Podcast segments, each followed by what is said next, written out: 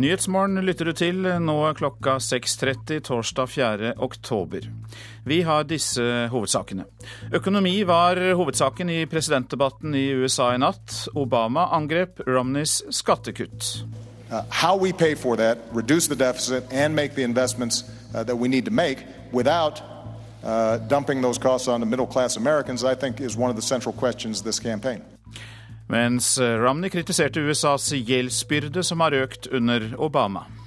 I think it's frankly not moral for my generation to keep spending massively more than we take in, knowing those burdens are going to be passed on to the next generation. It's simply not moral. Mann knivstukket og drept i Grimstad i går. Kona er hardt skadd. En 35 år gammel kvinne er siktet for drapet. Intime detaljer fra Anders Behring Breiviks barndom blir offentliggjort i ny bok, og fire teatre i Norge og Danmark setter opp omstridt Breivik-stykke. Her i studio i dag, Øystein Heggen. Vi skal straks til presidentdebatten i USA, men eh, først til Grimstad. Politiet mener de har funnet eh, våpenet som ble brukt da en 76 år gammel mann ble knivstukket og drept i hjemmet sitt i, den, i byen i går kveld. Kona til mannen som ble hardt skadd, men eh, kom seg over til naboen for å varsle om det som hadde skjedd. En 35 år gammel kvinne er siktet for drapet, og hun skal nå avhøres, sier politistasjonssjef Terje Gundersen. Vi har eh, ingen vitner så langt. Vi har eh, en gjerningsperson som vi må avhøre. Og så må eh, forklaringen da fortelle oss hva som har skjedd. Den drapssikta kvinnen ble pågrepet nær en butikk, bare en kilometer i luftlinje under åstedet. Det politiet mener er drapsvåpenet, ble funnet nærmere. Det er snakk om meter unna, i en hekk like ved huset, ved, ved åstedet. Seint i går kveld jobber politiet fremdeles med å varsle pårørende. Politiet ville derfor ikke da bekrefte opplysningene som både NRK og andre medier satt på, om at den sikta kvinnen er datter av ekteparet som ble knivstukket. Vi etterforsker bredt nå innledningsvis, og må bare finne ut hva, hva som, som, er situasjonen og hva som har skjedd. Hun er foreløpig ikke avhørt. Foreløpig så har vi sikret uh, klær, uh, og vi, vi har jo kontroll på kvinnen.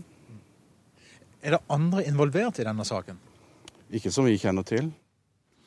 Reporter Knut Knutsen Eigeland. I natt møttes de to presidentkandidatene i USA til den aller første fjernsynsdebatten før valget i november, og økonomi ble et av de store temaene. Varm velkomst fra ei spent forsamling i Denver. Forventningene var skyhøye til den første debatten mellom Mitt Romney og Barack Obama. I think it's frankly not moral for my generation to keep spending massively more than we take in, knowing those burdens are going to be passed on to the next generation. It's simply not moral. Skarp kritikk fra første stund fra Mitt Romny. Det er ikke moralsk å bruke betydelig mer penger enn en får inn, og så la framtidige generasjoner ta regninga, sa han. Skatt ble også et viktig tema. 97 av småbedriftene vil ikke få økt skatt etter min plan, lover presidenten. Ja, under, under my plan, 97% of small businesses would not see uh, their income taxes go up. Governor Romney says, well, those top 3%, they're the job creators, they'd be burdened. Reporter her, det var eh, Eivind Molde. Ja, det drar seg til i denne tvekampen om å komme til Det hvite hus, USA-korrespondent Anders Tvegård. Du er selvfølgelig i Denver, og hvilken kandidat var mest offensiv? Det var eh, Mitt Romney. Det virket ikke som om president Barack Obama kom til et eh, jobbintervju, mens eh, Romney gjorde det. Han var sterkest, han var avslappet, og tidvis så viste han også humoristisk sans. Begge forsøkte her å fremstille seg selv som forsvarere av middelklassen, men kommentatorer mener at det var Romney som vant denne første duellen, noe han også helt klart trengte. I disse debattene så skal jo kandidatene framstå med det som gjerne kalles presidentkvalitet, og da klarte Mitt Romney det, kanskje? Ja, det, han, det var ingen, ingen, eh, tabber eller eh, blemmer i, eh, i, denne første runden. Uh, Romney han snakket direkte til president Obama og til programlederen da han fikk spørsmål og var mer komfortabel med, med debattformen. Han har jo også hatt en stor runde bak seg i den republikanske nominasjonskampen, mens presidenten virket mer ukonsentrert, kikket ned og, og tidvis følte seg brydd. her var det to kandidater som begge gjorde en, en god figur, hvis du ikke hørte på innholdet, skrudde av lyden på fjernsynet. Men la oss snakke om innholdet, siden du nevner det. Altså Middelklassen knuses, arbeidsledighet og gjeld øker. Det er stikkord fra Romneys beiske kritikk. Hvordan klarte Obama å forsvare seg? Nei, han, eh, han, han, sier at vi har to forskjellige syn på hvor eh, USA skal eh, gå, og at det er, det er ikke lett, men at Romneys vei heller ikke er, er, den rette. Den er ikke prøvd, og det er ikke den veien han tror på. Så presidenten forsvarte eh, sin politikk, og forsøkte også å angripe Romney så ofte han kunne, noe Romney igjen da parerte. Så her var det underholdning for feinschmeckerne. Hva er neste post på programmet, Anders Tvegård? Det er to presidentdueller igjen, eh, men allerede neste uke så skal visepresidentene i eh, ilden. Det blir eh, i Kentucky. Og nå skal alle kandidatene reise landet rundt og forsøke å samle stemmer. Jeg snakket med Rob Portman, det var mannen som forberedte Romney på denne debatten. Han kalte det hele en vitamininnsprøytning som vil endre dynamikken, noe Obama-kampanjen ikke var enig i i det hele tatt. Takk skal du ha, Anders Tvegård. Mer om debatten får vi i Nyhetsmorgen etter klokka sju. Men vi får litt mer også her, for i Norge så ble nattens debatt fulgt med stor interesse. Nå er det litt, uh, litt kaffe og litt uh, snacks og Klokken er bare tre om morgenen norsk tid. Men for de som følger amerikansk politikk, er et av årets TV-begivenheter i ferd med å starte hjelp med kaffe. Eirik Løkke er rådgiver i tenketanken Civita. Og republikanernes Mitt Romney er i ferd med å utfordre president Barack Obama i den første av de tre offisielle debattene i den amerikanske valgkampen. Det verste som kan skje Obama, er jo at han blir litt sint. Får du sint svart mann, så har du en del sånn lettskremte pensjonister i Florida som ja. Debatten er i gang.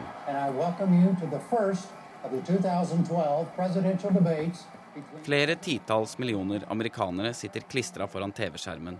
Overfor Stortinget i Oslo sitter en håpefull gjeng og heier på den republikanske kandidaten. Well, thank you very much, Jim. Uh, there are a lot of points I want to make tonight, but uh, the most important one is that uh, 20 years ago I became the luckiest man on earth because Michelle Obama agreed to marry me. Governor Romney, two minutes. Thank you, Jim. And congratulations to you, Mr. President, on your anniversary. I'm sure this was the mo most romantic place you could imagine, here, here with me. So, congratulations. Um, it is obviously a very tender topic. People have decided that America may not be the place to open... Det er bedre enn Obama-svar, i hvert fall. Selv Obama-folket mener Romney er best. Twittokratiet er helt tydelig på Romney. Ja, hva syns du? Nei, Romney overraska positivt. Han var god. Han uh, var troverdig. Han uh, hadde et, et, budskap som jeg tror resonnerer bedre enn hva mange trodde på forhånd. Obama var svakere enn antatt. Han virka å bli litt mer irritert. Han, uh, han var på defensiven og har kanskje undervurdert eh, Romney og denne debatten litt mer enn han burde. Det var sikkert ikke med vilje, men det virker å sneke seg inn en liten overconfidence her. Så hvem vant? Ja, Romney var klart best den eh, første halve timen. Jevnere etter hvert, men alt i alt så syns jeg det er klart at Romney vinner. Og så viser det seg også på sosiale medier og på markedene, både Intrade og Betfair, har en klar seier til, til Romney. Eirik Løkke, rådgiver i Civita, og reporter Magnus Bratten. Så noen ord om avisene i dag. Intime detaljer om Anders Behring Breiviks mor i ny bok, skriver VG. Mer om det seinere i sendinga. Har tjent 150 millioner kroner på fire år i lønn og bonus, skriver Stavanger Aftenblad om den avtroppende sjefen for Sidrill, Alf C. Torkelsen. Han kjempet mot at John Jan Fredriksen skulle flytte verdens største riggselskap til London, men Torkelsens Torkilsens trøst er egen millioninntekt, skriver avisa. Dårligst i Norden. Universitetene her i landet stuper på ny rangering, skriver Dagens Næringsliv. Universitetet i Tromsø fikk laveste poengsum av alle nordiske universiteter. Forteller om pasienter på nettet, skriver Dagsavisen. Én av fire sykepleiere deler erfaringer fra jobben på sosiale medier. Helsedirektoratet er bekymret og advarer mot å spre sensitive opplysninger. Jeg kjemper for livet, sier Odd Nerdrum til Dagbladet. Kunstmaleren snakker ut om skattesaken og håper nå på frifinnelse i ankesaken. Førerne sitter seg syke på Bybanen, er oppslaget i Bergens Tidende. Høyt sykefravær og helseplager fører til stor gjennomtrekk blant førerne. Og Arbeidstilsynet har sendt advarsel om skjev sittestilling og kombinert med lange vakter. Flere dør av usunn livsstil enn av sult, skriver Vårt Land. I Norge skyldes nesten fire av fem dødsfall hjerte-karsykdommer og kreft, som stort sett kan relateres til livsstil, sier professor i samfunnsmedisin. Dugnad mot målhysteri, skriver Klassekampen. SVs Aksel Hagen er lei av styringskåthet og målstyring i offentlig sektor. Nå vil han ha felles front mot dette med fagbevegelsen. Flere tusen huseiere dropper feierbesøket, skriver Nordlys. Det kan gjøre huset til en forsikringsbombe og en brannfelle. Tar med seg fiskestanga, er oppslaget i Nasjonen. Det er sterk vekst i salg av naturopplevelser her til lands. Både jakt, fiske og det enkle hyttelivet selger som aldri før.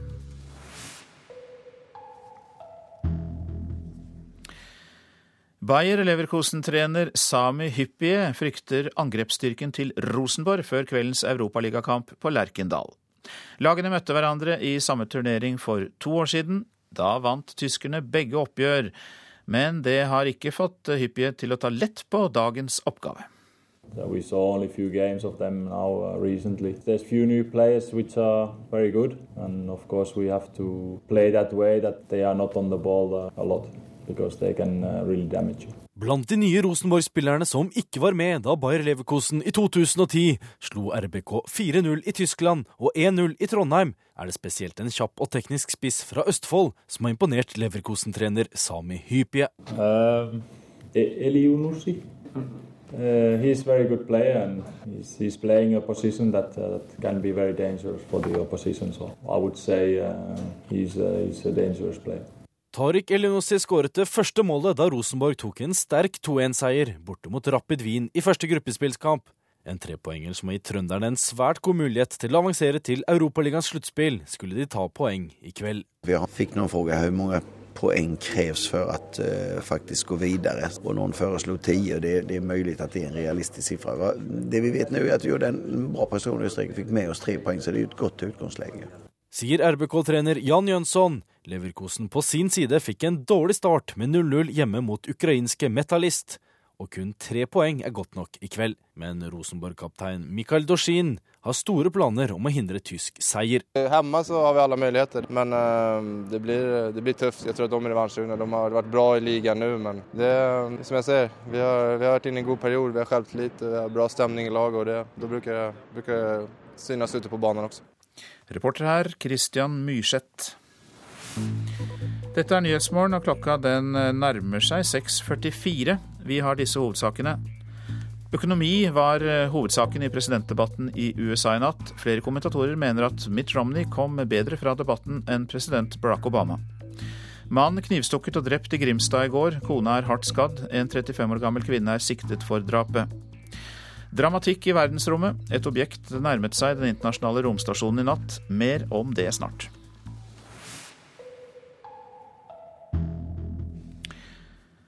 I en ny bok om Anders Behring Breivik beskriver forfatteren Åge Storm Borchgrevink omsorgssvikt og mishandling i terroristens barndom. Borchgrevink har skrevet boken basert på opplysninger fra barnevernsdokumenter med nærgående skildring av hans barndom. Det skriver VG i dag. Dokumentene var en del av etterforskningen, men er ikke tidligere omtalt. I en ny bok hevder forfatter Åge Storm Borchgrevink at Anders Behring Breivik ble utsatt for mishandling og omsorgssvikt som barn. Forfatteren har henta opplysningene om 22. juli-terroristen fra barnevernsdokument med nærgående skildringer av hans oppvekst. Dokumentene var en del av politietterforskninga, men er ikke tidligere omtalt i mediene. Borchgrevink mener det er viktig å få fram dette, fordi det skildrer hvor hatet til Breivik kom ifra. Forfatteren skriver at etter hans syn kommer de mørke impulsene fra barndommen, og ikke fra kontrajihadistene. Reporter Katrine Nybø. Fire teaterscener i Danmark og Norge skal sette opp teaterstykket som er basert på manifestet til Anders Behring Breivik. Nasjonal støttegruppe etter 22.07 er kritisk til at man lager teater av terrorangrepet, men det stopper ikke det danske teatret. Om en uke er det verdenspremiere i København. Ifølge Anders Breivik så er vi jo i fase 1, som strekker seg fra 1999 til 2030. Teaterinstruktør Christian Lollike forklarer den hvite krittskrifta på den svarte veggen. Kolonner med årstall og noen prosenttall. Alle henta fra manifestet til Anders Behring Breivik. De utgjør bakveggen på teaterscenen i en liten, svartmåla og litt dyster kjellersal. Hvis man vil øh, forhindre at denne type eh, tragedier kan utspille seg en annen gang, så tror jeg det er enormt viktig å finne ut av eh, hva det, for, hva det, er for, et menneske, og hva det, en, øh, hva det er for et sinn og hva det er for en menneskelighet der ligger bak. På ene veggen henger en uniform. Bak et teppe ligger treningsvekter. Der er også en gjødselsekk. Det skal minne oss om bomba Breivik laga og tragedien 22. juli. Men pårørende og etterlatte vil stoppe stykket. De mener de som var rammet av terroren heller burde fått oppmerksomhet. Det forteller nestleder i støttegruppa Jon Hestnes. Vi har hatt mer enn nok med avisklipp, uh, rettssak og alt som har vært i året som har gått nå. Og da skal vi begynne å få rippa opp i det her med teaterstykket i tillegg. Så nei, vi er ikke glad for det. Kaféteatret er et lite, uavhengig teater midt i indre by i København. Over halvparten av de 26 forestillingene er utsolgt. I tillegg skal stykket settes opp i Århus, Aalborg og Oslo. Likevel er det skepsis til å se stykket i København-gatene. Det, det er, jeg er flau over at noen dansker kan finne på det. Føy. Aldri. Aldri noensinne. Jeg tar dypt avstand for det og bakker det overhodet ikke opp. Jeg er litt ambivalent omkring det, tror jeg.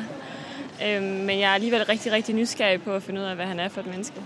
Lyset skal være annerledes her og der, og her der går han herover. Inne i teatersalen jobber de iherdig for at det tekniske skal sitte før premieren neste torsdag. Lollik er overbevist om at det er riktig å lage teater av manifestet til massemorderen. Jeg kan godt forstå at man er imot en eller annen form for Hollywoodifisering av, Anders Breivik, eller hvis man lager Breivik-musikalen, at man syns det er tett på. Men å lave et seriøst et seriøst stykke undersøgende øh, kunstnerisk arbeid i en øh, sal, i en øh, teatersal. Det, det, kan jeg ikke forstå at man kan mene er forkert på det her tidspunkt. Det sa instruktør Christian Lollicke. Reporter var Ann Irén Finstad. Trær felles og hekker fjernes for å gjøre Rådhusparken i Porsgrunn tryggere. Det foregår nemlig uønsket aktivitet i parken, og det prøver vi å gjøre noe med, sier virksomhetsleder i kommunen Torbjørn Krokstad. Det er ikke tvil om at det har foregått en del narkotikaomsetning. Eh, og også en del eh, som vel kanskje politiet omtaler som drikking på offentlig sted. Og det drar gjerne med seg mer uønska aktiviteter også. og Gjør at folk rett og slett er utrygge når de går her i, i mørket. og Det skal vi prøve å gjøre noe med. Rådhusparken skal bli lysere og mer åpen ved at hekkene som har hindret innsyn til parken fjernes. I tillegg skal flere trær felles. Parken skal også lyssettes på en annen måte. Tiltakene koster, men virksomhetsleder i kommunen Torbjørn Krogstad forklarer hvorfor kommunen vil bruke penger på dette. Nei, Det er to årsaker til det. For det første trenger parken oppgradering fordi det ikke har vært gjort så veldig mye. Og for det andre så eh, har vi fått noen tips også fra natteravnene bl.a. At det er mørkt her på kvelden. Det er mange lyse aktiviteter som foregår og foregikk bak hekkene. Så eh, et sikrere sted å være også eh, på, på kveldstid gjør eh, gjør jo denne lyssettingen og, og denne åpningen. Voldsforsker Ragnhild Bjørnebekk ved Politihøgskolen sier at tiltak som de Porsgrunn nå gjør i Rådhusparken, har vist seg å være en effektiv kriminalitetsforebygging. Det er en kjent uh, kriminalitetsforebygging som har vært brukt uh, mange steder. Som går uh, på det å demotivere mulige gjerningspersoner. Fordi de vil jo ikke bli sett når de utøver kriminaliteten. Sånn at det å skape åpne landskap eller innføre videokamera er en måte å demotivere dem på. Men det er viktig at slike tiltak følges opp, mener hun. Det har eh, vist seg med evalueringer at eh, det fører til at eh, kriminaliteten kan gå ned på steder hvor en gjennomfører slike tiltak. Men det en ikke vet, det er om de flyttes til andre og nye steder. Sånn at i forlengelsen av det må en passe godt på for å se om det skjer noen endringer som gjør at en må sette inn eh, fokus og arbeide på andre steder. Reporter i Porsgrunn Anette Stensholt. Kan man forske seg fram til fred? Det tviler fredsprisvinner Leiman Gabomve på. Den liberianske nobelprisvinneren er i Tromsø for å markere tiårsjubileet for Senter for fredsstudier. Fred er å skape, fred er dialog. Student Erlend Bø er innom åpninga av jubileumsutstillinga for Fredssenteret i Tromsø. På hvite lapper på ei svart tavle skriver publikum hva fred betyr. Du har en blank lapp? Jeg har en blank lapp foreløpig. Jeg får vel skrive et eller annet jeg òg, hva fred betyr for meg. Nobelprisvinner Leima Bowie, som deltar på feiringa i Tromsø, er kritisk til at fredsforskere er fraværende på bakken hvor konflikt utspiller seg.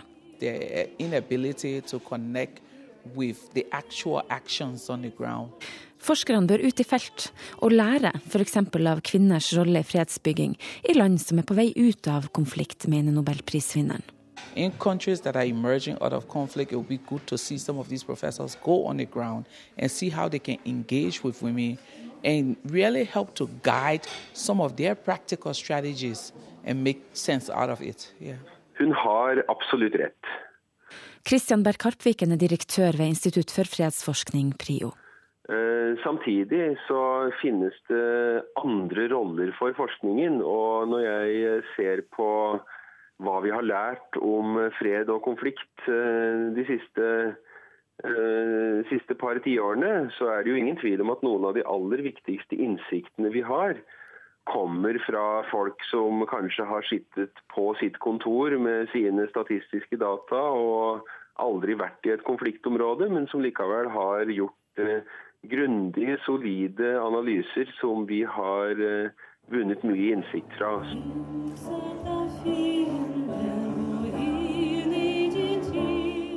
Hun har et godt poeng. Tone Bleie leder fredsstudiene i Tromsø. Men treffer hun dere, treffer hun Tromsø med en sånn kritikk? Jeg syns ikke det lenger. Jeg syns mer jeg ville ha sagt jo, her har hun et veldig godt poeng for noen år siden, men vi har altså gjort veldig bevisste forsøk på å endre dette fra å bli altså en mer ren, ren akademisk profil til å bli en mye mer anvendt profil i senere år. Og hva skrev hun studenten om hva fred egentlig er? Jeg har skrevet at fred for meg betyr dialog på tvers av bakgrunn og tilhørighet. Så da henger den opp her. Reporter her, det var Karoline Rugeldal. Opposisjonspolitikere på Stortinget er misfornøyde med at regjeringen ikke har rekruttert noen til å lede den daglige driften av EØS-avtalen. Dagfinn Høybråten, som er stortingsrepresentant for Kristelig Folkeparti, mener regjeringen må svare for seg, skriver Nasjonen. Det her står fram som utrolig slapt, sier Høybråten til avisa. Utenriksdepartementet har over et år på seg, eller har hatt det, for å finne den som skal lede den daglige driften av EØS-avtalen i EFTA-sekretariatet i Brussel, og stillingen har altså stått tom en måned. På denne tida av året så er det lett å grave seg ned i en haug av negativitet, og savnet etter sol og sommer kan jo komme drivende når løvet faller. Regnet er på besøk, og mørket er konstant, og da gjelder det å tenke positivt, så reporter Knut Erik Solhaug tok på seg regntøy og støvler, gikk ut i drittværet for å høre hva folk synes er det aller beste med høsten.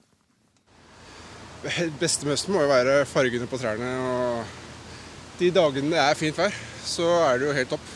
Men du er ikke noen sånn kjempefan av det været vi har i dag? Nei, det kan jeg ikke si. Krype inn i deilige strikka gensere og skjerf og sitte inne rett og slett og se på dette været. Etter man har vært ute og gått en tur i det, da vel. Hva er det beste ved høsten, syns du? Eh, det, det, er faktisk å følge med på amerikansk fotball. Sesongen begynte for eh, fire uker siden. og Det tar søndager og, og er en fin måte å samle venner på og samles rundt det. Så det er det som er den største gleden med høsten. Men Så du ser egentlig frem til hver høst, du? Ja. Hva er det beste med høsten, synes du? Og at det ikke er varmt. Jeg liker ikke varme, jeg. Nei. Jeg liker at det er så her. Jeg liker å ta på meg klær. Så du Høsten er egentlig favorittårstiden din, da? Ja, tror det. Høst og vinter. Det finnes altså de som rett og slett stortrives når høsten kommer. Men det er ikke til å stikke under en stol at mange sliter med en gang høstmørket senker seg. Hva kan vi da gjøre for å holde humøret og motivasjonen oppe i løpet av denne litt grå og triste årstiden? Det finnes heldigvis de som har gode råd. Hei, jeg heter Øyvind Hammer og er motivasjonscoach. Det første jeg vil si, det er kom deg ut i været. Det er veldig lett å bli sittende inne og se ut på det dårlige været og kjenne på hvor dårlig det er. Men været er aldri så dårlig hvis man kler på seg litt og går ut og nyter det. Det neste det er at eh, det er lurt å komme seg ut og gjøre noen lystige ting. Noe som er gøy. Eventuelt gjøre det hjemme, samle venner, gjøre ting som er hyggelig. For på den måten å lyse opp eh, litt mentalt i denne mørke tiden som kommer. Synes du dette ble litt lite konkret, så kan kanskje disse tipsene være til hjelp. Eh, jeg spiller Xbox. Og det er veldig ålreit. Nye Fifa-spill har kommet nå, og nye Madden amerikanske fotballspill har kommet. Så hvis man har litt å gjøre, så er det bare å kjøpe seg en Xbox. ja. Nei, det er bare å planlegge neste sesongs ferie, rett og slett. Det funker veldig fint. altså, jeg er musiker, så jeg øver mye. Bruker tida til det. Kjøp et instrument, rett og slett? Ja, det er topp. Helt fint, det. Ja.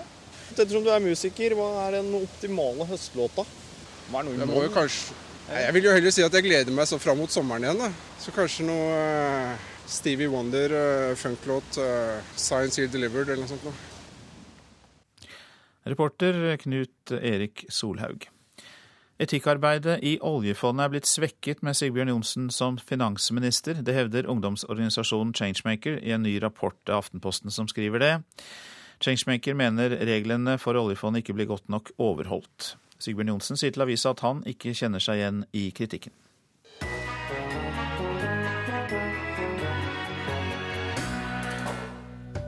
I dag lever vi i en hverdag der PC-ene, nettkontoene og mobilene våre kan hackes. Men hva gjør vi når hjernene våre kan utsettes for digitale angrep? Forskere ved Berkeley og Oxford hevder å ha fått til det, å hacke seg til sensitiv personlig informasjon fra noens hjerne. Det får du høre mer om i Radioselskapet klokka 11. Værvarselet. Rondane, fjellstrøkene Dovrefjell, svenskegrensa. Noe sol, men mulighet for enkelte regnbyger første del av dagen. Snø i høyfjellet. Fjellstrøkene Trollheimen, Jotunheimen og Langfjella. Skiftende skydekke og enkelte regnbyger, særlig i vestlige strøk. Snø i høyfjellet. En del sol i østlige områder. Østlandet og Aust-Agder og Telemark. Noe sol, men fortsatt enkelte regnbyger, særlig sørøst på Østlandet. I kveld oppklarning, lokal tåke både tidlig og seint på dagen. Vest-Agder skiftende skydekke, enkelte regnbyger, seint i ettermiddag avtakende nedbør. Rogaland og Hordaland skiftende skydekke, enkelte regnbyger. Sogn og Fjordane oppe i sterk kuling ved Stad, for det meste skyet, enkelte regnbyger. Møre og Romsdal sørlig opp i stiv kuling på kysten i sør. I ettermiddag dreiende sørvestlig. Skiftende skydekke, enkelte regnbyger, mest i sør. Trøndelag får delvis skyet vær. Enkelte regnbyger i nord, for øvrig stort sett opphold. I ettermiddag forbigående pent vær, mens det seint i kveld blir stort sett opphold i Trøndelag. Helgeland og Saltfjellet regn, etter hvert blir det oppholdsvær. Salten og Ofoten østlig liten kuling utsatte steder. I kveld dreiende sørøstlig. Lokal morgentåke. Etter hvert regn fra sør. Lofoten og Vesterålen nordøstlig liten kuling utsatte steder. I ettermiddag forbigående litt regn. Troms får eh, i nord eh, av fylket liten kuling på kysten. Lokal morgentåke, for øvrig stort sett opphold og noe sol. Fra i ettermiddag kan det bli litt regn i Troms, først kommer det i sør. Kyst- og fjordstrøkene i Vest-Finnmark får det meste opphold, men i kveld litt regn. Fra i ettermiddag østlig liten kuling utsatte steder. Finnmarksvidda lokal morgentåke, fra i ettermiddag litt regn. Øst-Finnmark enkelte regnbyger på kysten, ellers opphold. Og Nordensjøland på Spitsbergen får stort sett oppholdsvær. Temperaturer klokka fem. Svalbard minus seks. Kirkenes pluss fem. Eh, Varde åtte. Alta seks. Tromsø-Langnes fem. Bodø elleve. Brønnøysund tolv. Det samme også i Trondheim. Tolv. Molde fem. Bergen-Flesland åtte. Stavanger også åtte. Kristiansand-Kjevik seks grader. Gardermoen sju. Lillehammer åtte. Røros 6 og Oslo-Blindern 7 grader. Det var altså temperaturene som ble målt klokka fem i natt.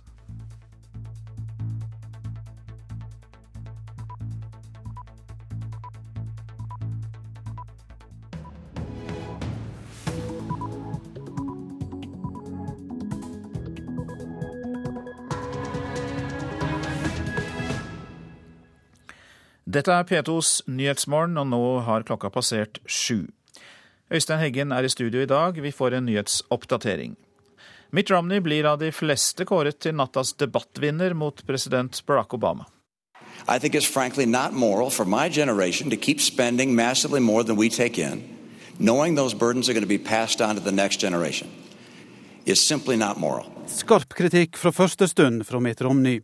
Det er ikke moralsk å bruke betydelig mer penger enn en får inn, og så la framtidige generasjoner ta regninga, sa han.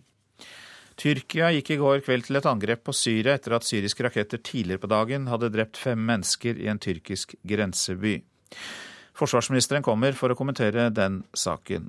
Eller utenriksministeren kommer for å kommentere den saken. Datteren er siktet etter at et eldre ektepar ble angrepet med kniv i hjemmet sitt i Grimstad i går.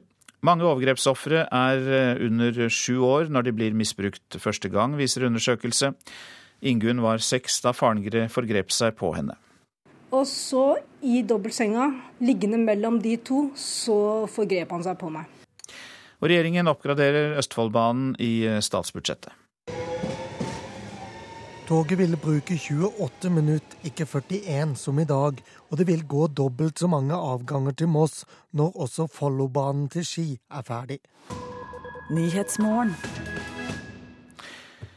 Ja, eh, det er ikke like enkelt å følge med på hvem som er minister, Espen Barth Eide, men du er definitivt utenriksminister. Eh, velkommen til deg. Takk for det.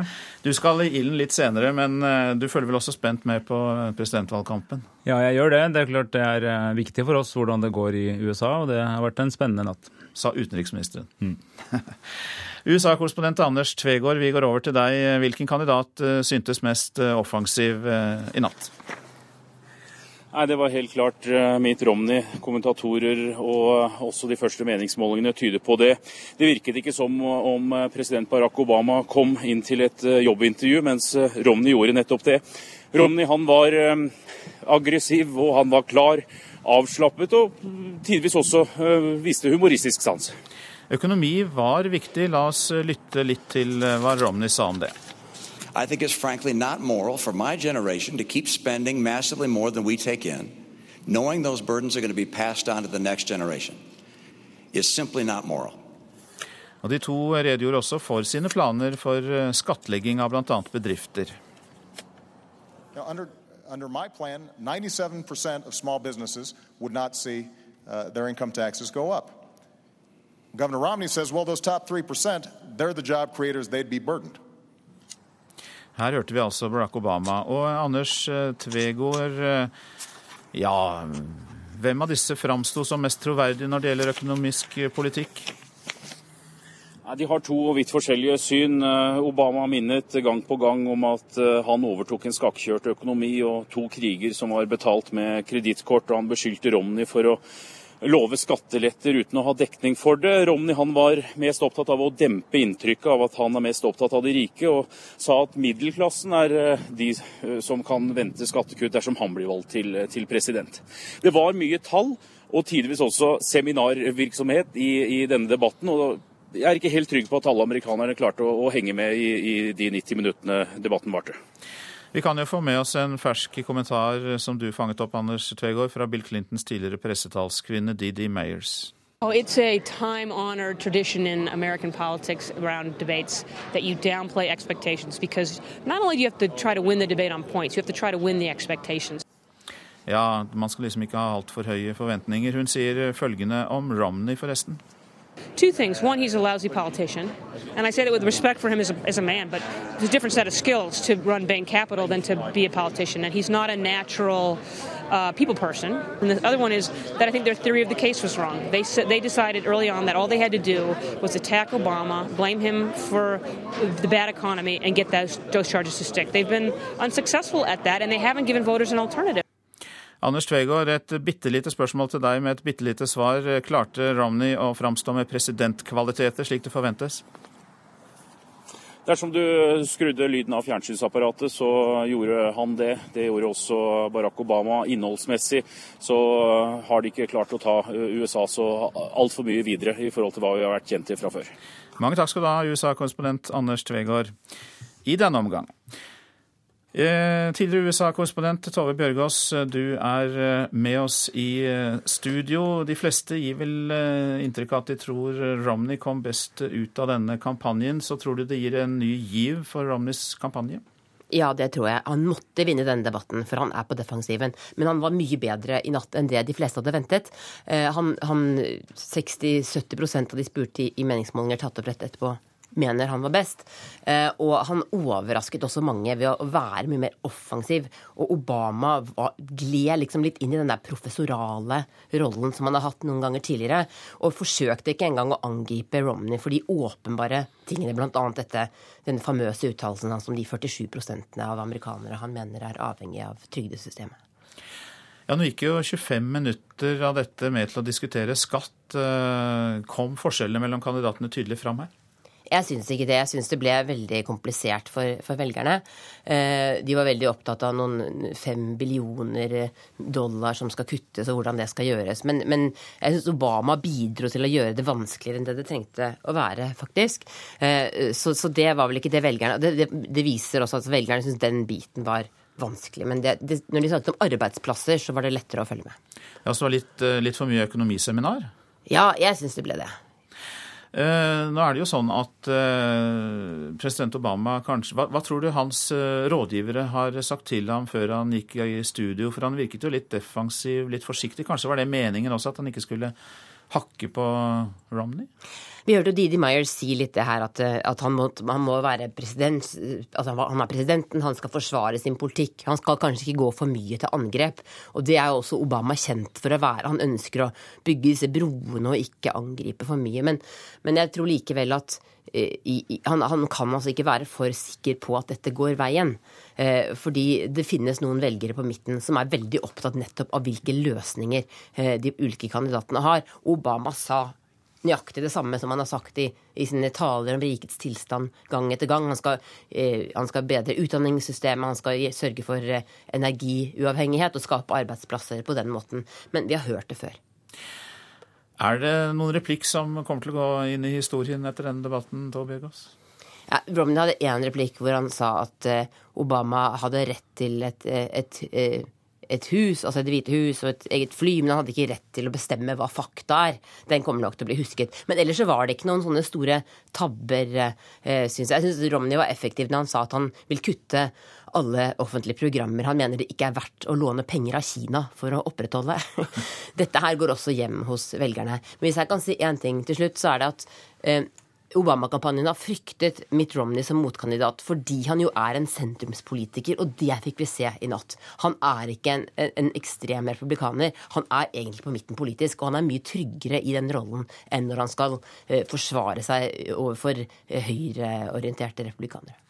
Takk til deg, eh, Tove Bjørgaas, for den orienteringen. Og utenriksminister Espen Barth Eide, du har vel ikke tid til å sitte oppe om natta og se på debatter av denne typen, regner jeg med? Nei, Jeg har ikke sittet og sett på debatten, men det har vår utmerkede ambassadør Vegger Strømmen i USA gjort. Så jeg har da lest hans oppsummering av debatten, og den stemmer godt overens med det vi hørte Tove Bjørgaas beskrive nå. Dette har man ambassadører for, Espen Bartheine. Det er helt riktig. Det er bra. Vel, vi eh, er her for at du skal snakke om eh, alvorligere ting, nemlig dette forholdet mellom eh, Tyrkia og Syria. Og vi har aller først kontakt med Sigurd Falkenberg Mikkelsen, som er vår Midtøsten-korrespondent, som er i Damaskus. Det er jo slik at Tyrkia angrep mål i Syria i går etter at syriske raketter tidligere på dagen traff et bolighus og drepte fem mennesker i den tyrkiske grensebyen Ak-Chakale. Hvor bekymret bør omverdenen være for dette, Sigurd Falkenberg Mikkelsen? Nei, jeg tror de bør være meget eh, bekymret. Eh, dette er jo første gang Tyrkia svarer med skarpt. Eh, de har holdt igjen ved flere anledninger, bl.a. da det tyrkiske flyet ble skutt ned i juni. Og det er jo et sterkt press i den tyrkiske opinionen for å handle. Jeg tror ingen er interessert i en storkrig, men dette kan bygge seg opp skritt for skritt. Eh, og situasjonen er nå meget spent og meget eh, farlig. Ifølge kommentarer jeg har hørt eh, fra Tyrkia på morgenen her, så er det en kontrollert opptrapping. Hva, hva legger de i det, tror du? Ja, De sender flere soldater til grenseområdet. De har jo allerede, og det gjorde de for en uke siden, satt ut luftvernsskyts og artilleri. Sånn at vi ser en gradvis opptrapping, og det gjør jo situasjonen farlig når man vet at kampene innenfor på den syriske grensen er så harde og så uoversiktlige. Og For tyrkernes del så har jo de brukt et veldig hardt språk. Eh, men eh, ikke satt eh, makt bak de harde ordene. Og De befinner seg jo også i en litt presset internasjonal situasjon, fordi det er ikke noen, det er ikke noen internasjonalt ønske om å gå inn militært. Men vi får jo disse møtene i Nato, og dette kan jo bygge seg opp etter hvert. I hvert fall hvis det skulle komme flere slike hendelser. Takk skal du ha, Sigurd Falkenberg Mikkelsen. Og eh, utenriksminister Espen Barth Eide, den tyrkiske regjeringen har jo bedt parlamentet om tillatelse til å krysse inn på syrisk territorium. Det skal vel parlamentet behandle i dag. Ja, hvilken virkning kan denne type opptrapping ha? Det er eh, absolutt eh, alvorlig når eh, vi ser tegn til en mulig spredning av Syria-konflikten. Det var et møte i går kveld i Nato som Tyrkia hadde bedt om, etter såkalt artikkel 4, altså den retten alle medlemmer i Nato har til å innkalle de andre dersom de føler seg truet. Men ikke artikkel 5, som er den som vil utløse militære tiltak. Og Der ga vi og alle de andre allierte uttrykk for full støtte og solidaritet med Tyrkia. Men vi roste også Tyrkias tilbakeholdenhet med ganske begrensede eh, svar. Eh, og det er ingenting som tyder på at verken Tyrkia eller de andre allierte ønsker å gå inn i konflikten i Syria nå, men vi skal følge det nøye, for det er altså en nær alliert som nå eh, faktisk har fått et eh, angrep inn mot sitt territorium. Men ble det noe kritikk mot Tyrkia, at de svarte militært. De kunne jo uh, ha sittet stille og ikke svart militært, bare kritisert at de ble angrepet? Nei, det var ikke uttrykk for noe kritikk. Tvert imot så er det slik at man anser at Tyrkias reaksjon er uh, avmålt og tilbakeholden. Det er, også, uh, det er nesten umulig for Tyrkia å sitte helt stille og ikke gjøre noen ting. Men istedenfor å da på egen hånd gå tungt inn i dette militært, så går de til Nato, søker den politiske støtten, og så lar de det nok i denne omgang bli med det. Nå er det en veldig dynamisk dynamisk situasjon. og Det er veldig viktig at uh, verdenssamfunnet har full oppmerksomhet på det. Nato er solidariske med Tyrkia. Men det er jo FNs sikkerhetsråd som nå virkelig må samle seg og komme med et felles budskap til, til, Syria og til partene i konflikten i Syria. Eh, fordi problemet nå er at Sikkerhetsrådet er splittet, eh, og det bidrar til at dette er enda vanskeligere enn det ellers ville ha vært. Har Norge noen eh, rolle her i det hele tatt eh, i denne konflikten som er oppstått? Ser du noen plass for Norge noen eh, muligheter til å bidra til noen løsninger? Det er først og fremst Sikkerhetsrådet nå som må ta ansvaret, og ikke minst da de fem faste medlemmene. og vi har, eh, Jeg var selv i generalforsamlingen i FN i forrige uke og ga meget tydelig uttrykk for vår forventning om at de gjør det, og ikke minst med adresse til Russland og Kina, som eh, mer eller mindre stilltiende aksepterte overgrepene som Assad står for. Så Det er der hovedansvaret ligger. Så er vi medlem i Nato, og vi er en aktiv deltaker i verdenssamfunnet. Men dette er ikke ikke et sted hvor Norge har en, en hovedrolle. Eh, det, det, tror jeg vi skal være veldig tydelige på. Det er viktig at de som har den hovedrollen, nemlig Sikkerhetsrådet, også tar det ansvaret vi alle påla dem da, den, da FN ble opprettet. Mange takk for at du kom til Nyhetsmorgen, utenriksminister Espen Barth Eide. Ja, dette er P2s Nyhetsmorgen. Klokka går mot 7.14. Vi har disse hovedsakene. Mitt Romney gikk til eh, hardt angrep på Barack Obama under den første TV-debatten før presidentvalget, og de fleste kommentatorer mener at Romney vant debatten. Datteren er siktet etter at et eldre ektepar ble angrepet med kniv i hjemmet sitt i Grimstad i går. Og i eh, Tidligere i dag så var det fare for kollisjon i verdensrommet. Et objekt holdt på å krasje med den internasjonale romstasjonen. Mer om dette om en liten stund.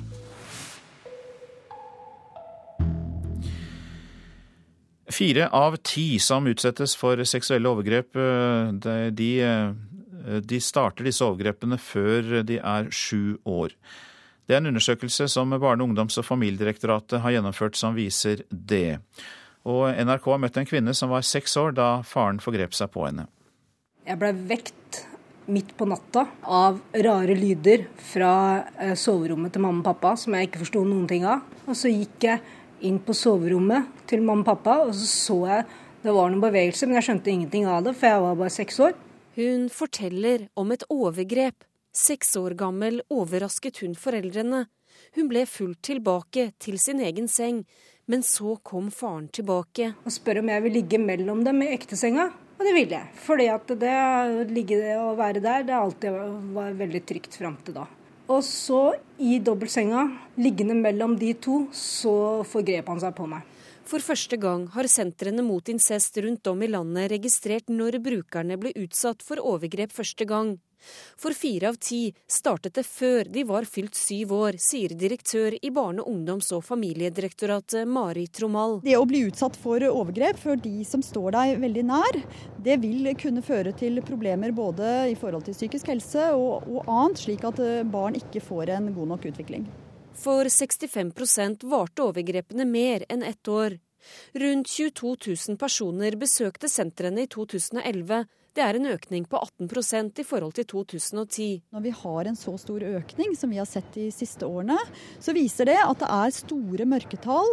At man har overgrep som foregår hver eneste dag. Og det er viktig at vi har god nok kompetanse i barnehage, skole, politi og barnevern, slik man får håndtert dette på en god måte. Samtidig viser undersøkelsen at 23% ba om hjelp fra Nav, sosialkontor, barnevern eller politi, uten å få det. Det er klart at for dem det gjelder, så er det alvorlig at man opplever at hjelpeapparatet ikke strekker eh, til. Svikter det offentlige når de, ikke, når de ikke får den hjelpen når de ber om det? Vi ser jo at mange er opptatt av overgrepsproblematikk, men det er helt klart at når så mange etterlyser hjelp, så vil det være tilfeller at hjelpeapparatet ikke har strukket til. Skal vi være med og trene? Ja. Å, så bra på Senteret mot incest i Oslo. Dagens aktivitet, zumbadansing for brukerne, er i gang. Wenche Wold Hansen er sosialkonsulent ved senteret. Hun er ikke overrasket over tallene. Og Vår egen statistikk på Støttesenteret mot incest i Oslo så langt i 2012 viser at våre tall er høyere. Hos oss viser det at 44,4% av våre brukere har opplevd at de ikke får hjelp av instanser de har konkret og spurt om hjelp fra. Um, og dette er svært alvorlig for mennesker som har opplevd relasjonstraumer, uh, som det incest er. Det var ingen som så det grusomme som kvinnen vi har møtt ble utsatt for. Såret i hjertet har grodd, men arret vil alltid være der. I dag så kan jeg si at jeg var veldig redd. Det var veldig skummelt. Fordi han pusta rart, og det gjorde vondt. Det, det var så mye jeg ikke forsto. Reporter her, det var eh, Ellen Omland. Magne Raundalen, du er barnepsykolog. Du er med oss fra studio i Bergen. Og du har jo forsvart barnas rettigheter så lenge mange av oss kan huske. Hvor eh, alvorlig er det for barna at overgrep starter så tidlig som vi hørte om her? Eh, det er selvfølgelig veldig alvorlig. og det handler mest om at hjernen er under vekst og utvikling, og at den rett og slett eh, blir skadet. Og vi vet i dag at mange av de skadene som det handler om, det kan gå på hukommelsesfunksjon, Eh, og dermed så vil det få katastrofale følger for mange for utdanningsløpet. De blir marginalisert, eh, gjør det dårlig i grunnskolen, og så dropper de ut av skolen, svært mange. Eh, og dermed er de også ekskludert fra yrkeslivet. Så livsløpet kan bli helt ødelagt. Har du sett dette i ditt virke som psykolog?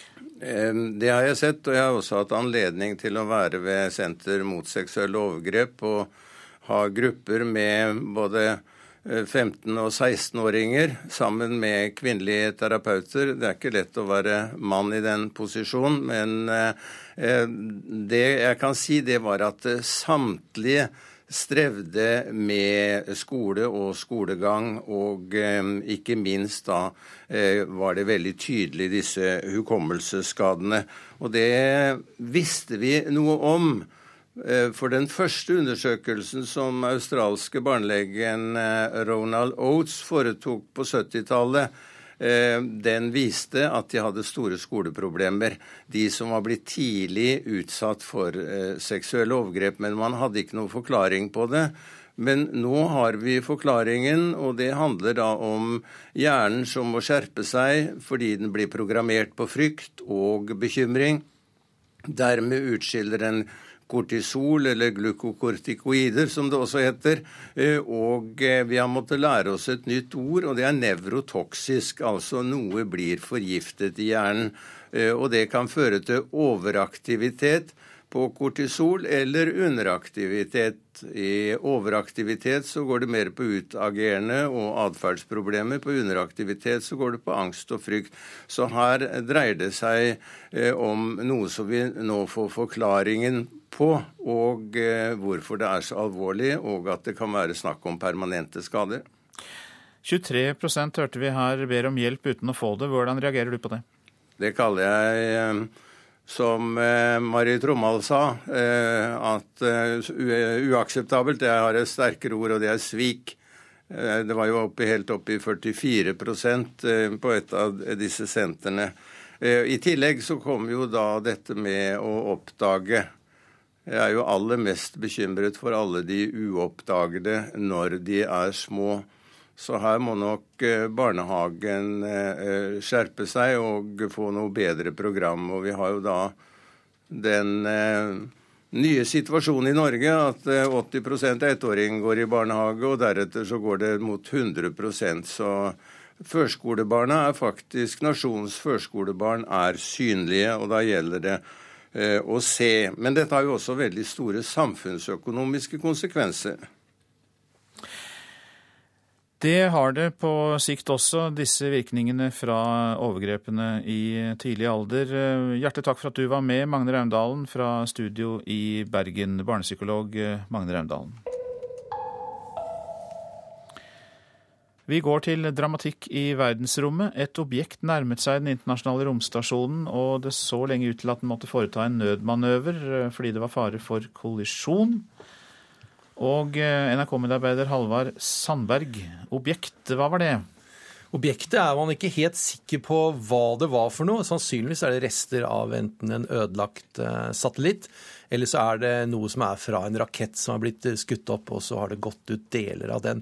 Eller så kan det være en mutter fra en eller annen reparasjonsoperasjon, eller et verktøy eller noe. Et eller annet var det. Det var ikke særlig stort, men det gikk veldig, veldig, veldig fort. Omtrent 8,5 km i sekundet, og var en stor fare. Men hvordan i verden klarte man å oppdage den? At den var på vei med altså, så stor fart? Amerikanerne de har ganske gode radarer, militære radarer og det de kaller sivile radarer, X-band-radarer, som driver og ser ut i verdensrommet for å da holde kontroll over slike objekter, som de kaller det. Eh, alt sammen har bare vært vanlige objekter, ikke noen sånne veldig rare objekter. Men det er Norad som har en katalog over dette her, og de har flere millioner objekter som de regner med er der, og ganske mange hundre tusen som de har i katalogen sin. Så de har relativt god kontroll over hva som er der av litt større ting, men ikke så god kontroll av det som er mindre ting, som også er eh, farlig. En trafikkmelding fra rommet altså, som eh, ble fanget opp. Hva kunne ha skjedd dersom gjenstanden hadde truffet romstasjonen der det faktisk er er mennesker mannskap om bord. Ja, Der er det mennesker, og de er inne i en trykkabin. og Går det hull i den trykkabinen, så er det litt verre enn hvis du er i et fly her i, eh, i vår atmosfære. For du kan ikke bare dykke ned til eh, overflaten og si ja, det var nære på dere. Dere har ikke noe særlig andre muligheter enn å få tettet det hullet. Og blir det for stort, så går det ikke i det hele tatt. Disse objektene her de beveger seg da minimum i 8,5 km i eh, sekundet. Og det er da ti ganger raskere enn en geværkule. Og eh, et eh, objekt på størrelse med 0,2 millimeter er nok til å ødelegge et menneske hvis den er utenfor i romdrakten sin. Det skal litt mer til for å slå hull i den internasjonale romstasjonen, men objekter godt under en centimeter er virkelig farlig for dem, og ting som er over en centimeter kan være katastrofale. Og så har jeg lest meg til at det er mye mer søppel eh, i verdensrommet etter hvert. Hvordan kan man gjøre noe med det, bortsett fra at man overvåker det da med disse radarene? Ja, Det er snart en milliardindustri. Jeg studerte faktisk dette her i USA i sommer, hvordan man kan eh, gjøre noe med dette her.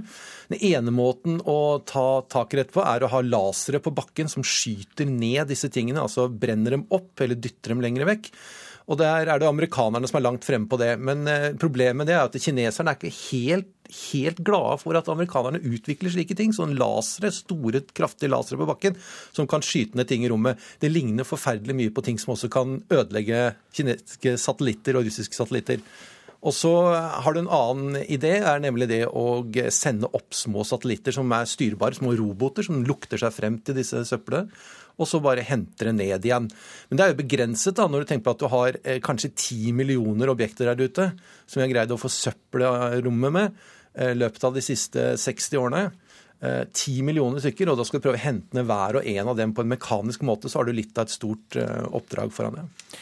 Halvard Sandberg, jeg er glad for at du følger med på dette for oss, og også har nettopp har oppdatert deg eh, om eh, verdensrommets hendelser i USA. Hjertelig takk for at du kom i studio. Så litt om avisene i dag. Intime detaljer om Anders Behring Breiviks mor i ny bok, skriver VG. Forfatteren Åge Storm Borchgrevink har hentet opplysninger fra barneverndokumenter med nærgående beskrivelser av eh, familien. Har tjent 150 millioner kroner på fire år i lønn og bonus, skriver Stavanger Aftenblad om den avtroppende sjefen for Seadrill, Alf C. Torkildsen. Han kjempet mot at Jan Fredriksen skulle flytte verdens største riggselskap til London, men Torkildsens trøst er egen millioninntekt, skriver avisa. Dårligst i Norden. Universitetene her i landet stuper på ny rangering, skriver Dagens Næringsliv. Universitetet i Tromsø fikk den laveste poengsummen av samtlige nordiske universiteter. Forteller om pasienter på nettet, skriver Dagsavisen. En av fire sykepleiere deler erfaringer fra jobben på sosiale medier. Helsedirektoratet er bekymret og advarer mot å spre sensitive opplysninger. Jeg kjemper for livet, sier Odd Nerdrum til Dagbladet. Kunstmaleren snakker ut om skattesaken og håper på frifinnelse i ankesaken. Førerne sitter seg syke på Bybanen, er oppslaget i Bergens Tidende. Høyt sykefravær og helseplager fører til stor gjennomtrekk blant førerne, og Arbeidstilsynet har sendt advarsel om skeiv sittestilling kombinert med lange vakter. Flere dør av usunn livsstil enn av sult, skriver Vårt Land. I Norge skyldes nesten fire av fem dødsfall hjerte-karsykdommer og kreft, som stort sett kan relateres til livsstil, sier professor i samfunnsmedisin.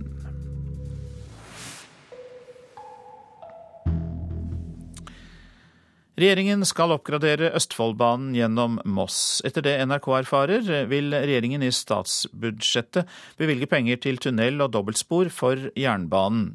Et prosjekt fra 2008 skal, selges, skal, ut, skal presenteres på nytt, og det blir tidligst ferdig i 2020, sier Jernbaneverket.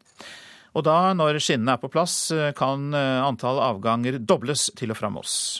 Jeg tror ikke jeg Altså, jeg kommer til å løse billett som honør, honnørkunde, tror jeg, på den type saker nedover i Østfold. Så jeg, jeg tror ikke før jeg får se det. Pendlerne på Østfoldbanen er lei av å vente. Jeg reiser med toget hver hverdag frem og tilbake. Nå setter regjeringen av penger til å gjøre alvor av ti viktige kilometer forbi Moss.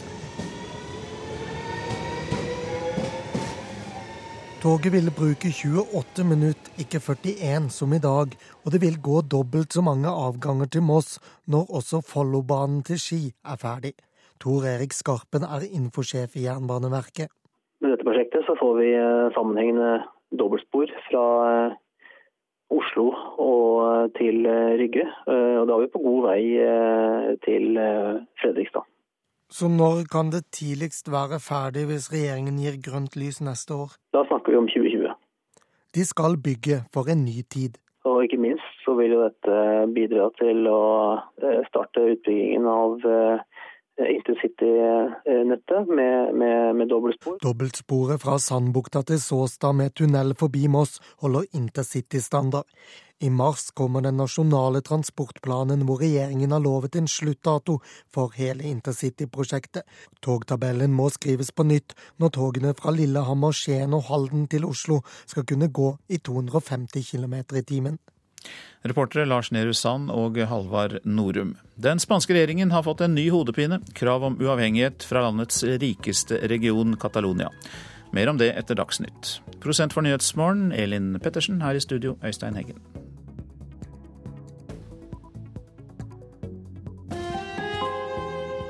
Hør ekko. Det skulle ikke være mulig å drive industri i høykostlandet Norge. Allikevel hamres det igjen ut skipskrog i norske fjorder. Det går så lenge vi er ekstremt gode på noen få ting, sier BI-professoren. Olje, fisk, skipsbygging. Kan vi legge ned resten? Ekko 9 11 i NRK P2.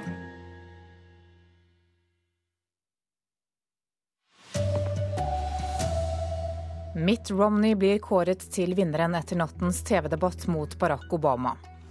Nesten halvparten av dem som blir utsatt for seksuelle overgrep, opplever at overgrepene starter før de fyller sju år. Og Anders Behring Breivik ble mishandlet som barn, ifølge ny bok. Her er NRK Dagsnytt, klokka er 7.30. Økonomi, utdanning og helsereform var sentrale temaer da de to presidentkandidatene i USA møttes til debatt i natt. Dette var den aller første debatten mellom Barack Obama og Mitt Romney før valget i november. Varm velkomst fra ei spent forsamling i Denver. Forventningene var skyhøye til den første debatten mellom Mitt Romney og Barack Obama. I think it's frankly not moral for my generation to keep spending massively more than we take in, knowing those burdens are going to be passed on to the next generation. It's simply not moral. Skarp kritikk fra første stund fra Mitt Romney. Det er ikke moralsk å bruke betydelig mer penger enn en får inn, og så la framtidige generasjoner ta regninga, sa han. Skatt ble også et viktig tema. 97 av småbedriftene vil ikke få økt skatt etter min plan, lover presidenten. You under, under my plan, 97% of small businesses would not see uh, their income. Governor Romney says, well, those top 3%, they're the job creators, they'd be burdened. Mitt Romney sa at hans ambisjon var å gjenskape den økonomiske vitaliteten i det amerikanske samfunnet. I'll restore the vitality that gets America working again. Thank you. I debatten skulda Barack Obama Romney for å vingle og stadig komme med nye utspill. Han mente Romney ville bli en president for de rike, og at løftet hans om milliarder i skattekutt ikke er mulig å realisere. This is where central economic plan uh, calls for a $5 trillion tax cut on top of the extension of the Bush tax cuts, that's another trillion dollars, and $2 trillion in additional military spending that uh, the military hasn't asked for. Reporter var Eivind Molde. Over til deg, USA-korrespondent Anders Tvegård. Du har fulgt debatten i natt. Hvilken kandidat kom best ut? Ja, forventningene var skyhøye, og det var Romney som innfridde. Her var det han som kom til et jobbintervju. Romney var godt forberedt. Han langet ut mot presidentens politikk og hvilken vei USA er i ferd med å gå. Og Etter nattas debatt så har republikanerne fått en ny giv. Det kan gi avkastning på kontoen, og også på meningsmålingene. Hva var det viktigste i debatten i natt? Det var økonomi og skattespørsmål som det ble brukt mest tid på. Tidvis komplisert og også vanskelig å følge med for mange amerikanere, vil jeg tro. Det var kompliserte spørsmål som ble tatt opp. Men de to brukte anledningen til å lange ut mot hverandre og sånn sett forsvare hver sin politikk. Denne debatten er altså den første før presidentvalget 6.11. Hvor viktig er den? Den kan være med på å forme valgkampen videre og gi en vitamininnsprøytning hos Mitt Romney spesielt. Neste debatt, det er to debatter til. Neste er et litt annet format. Der får også publikum være med og stille spørsmål. Men allerede neste uke så er det visepresidentene som skal i ilden. Takk til deg, USA-korrespondent Anders Tvegård. For fire av ti som utsettes for seksuelle overgrep, så starter overgrepene før de er fylt sju år. Det viser en undersøkelse som Barne-, ungdoms- og familiedirektoratet har gjennomført. Vi har møtt en kvinne som var seks år da faren forgrep seg på henne. Jeg ble vekt midt på natta av rare lyder fra soverommet til mamma og pappa som jeg ikke forsto noen ting av. Hun forteller om et overgrep Seks år gammel overrasket hun foreldrene. Hun ble fulgt tilbake til sin egen seng, men så kom faren tilbake. Og spør om jeg vil ligge mellom dem i ektesenga, og det ville jeg. Fordi at det å ligge og være der, det alltid var veldig trygt fram til da. Og så, i dobbeltsenga, liggende mellom de to, så forgrep han seg på meg. For første gang har sentrene mot incest rundt om i landet registrert når brukerne ble utsatt for overgrep første gang. For fire av ti startet det før de var fylt syv år, sier direktør i Barne-, ungdoms- og familiedirektoratet Mari Tromal. Det å bli utsatt for overgrep for de som står deg veldig nær, det vil kunne føre til problemer både i forhold til psykisk helse og, og annet, slik at eh, barn ikke får en god nok utvikling. For 65% varte overgrepene mer enn ett år. Rundt 22 000 personer besøkte sentrene i 2011. Det er en økning på 18% i forhold til 2010. Så viser det at det er store mørketall, at man har overgrep som foregår hver eneste dag. Og det er viktig at vi har god nok kompetanse i barnehage, skole, politi og barnevern, slik man får håndtert dette på en god måte. For kvinnen vi har møtt, har såret i hjertet grodd, men arret vil alltid være der. I dag så kan jeg si at jeg var veldig redd, fordi han pusta rart. Det gjorde vondt. Det var så mye jeg ikke forsto. Reporter var Ellen Omland.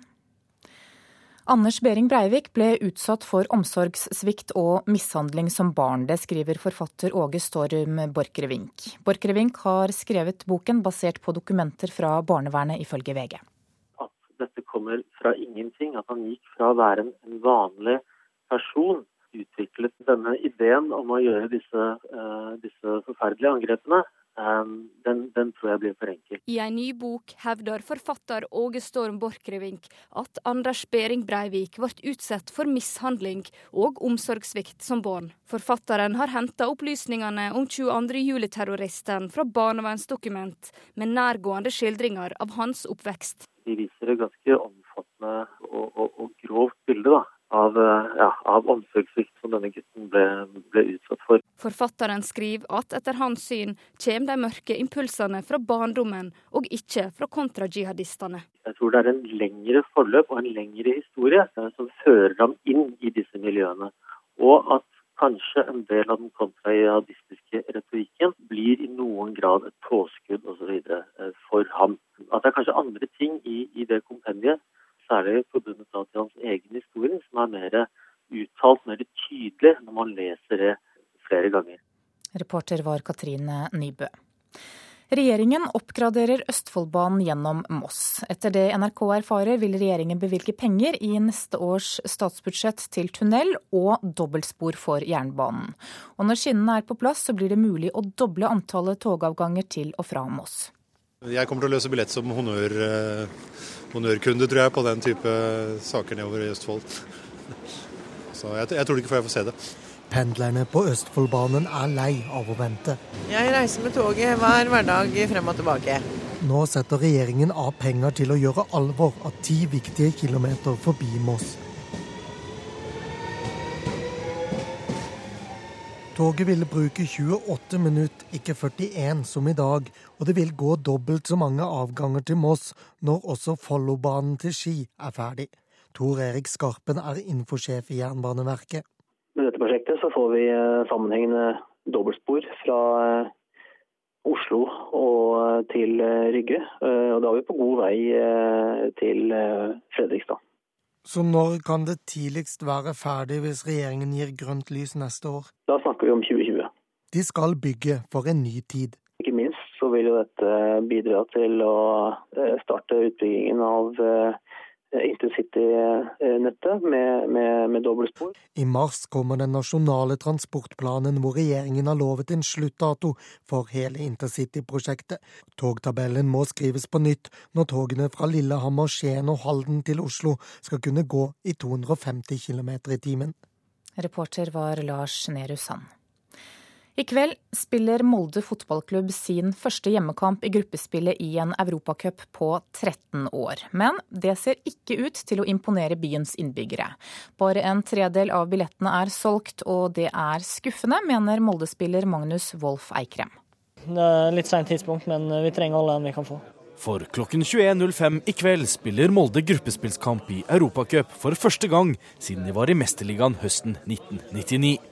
Nå er det Europaliga, og motstander er tyske Stuttgart, men kun 4000 billetter er solgt.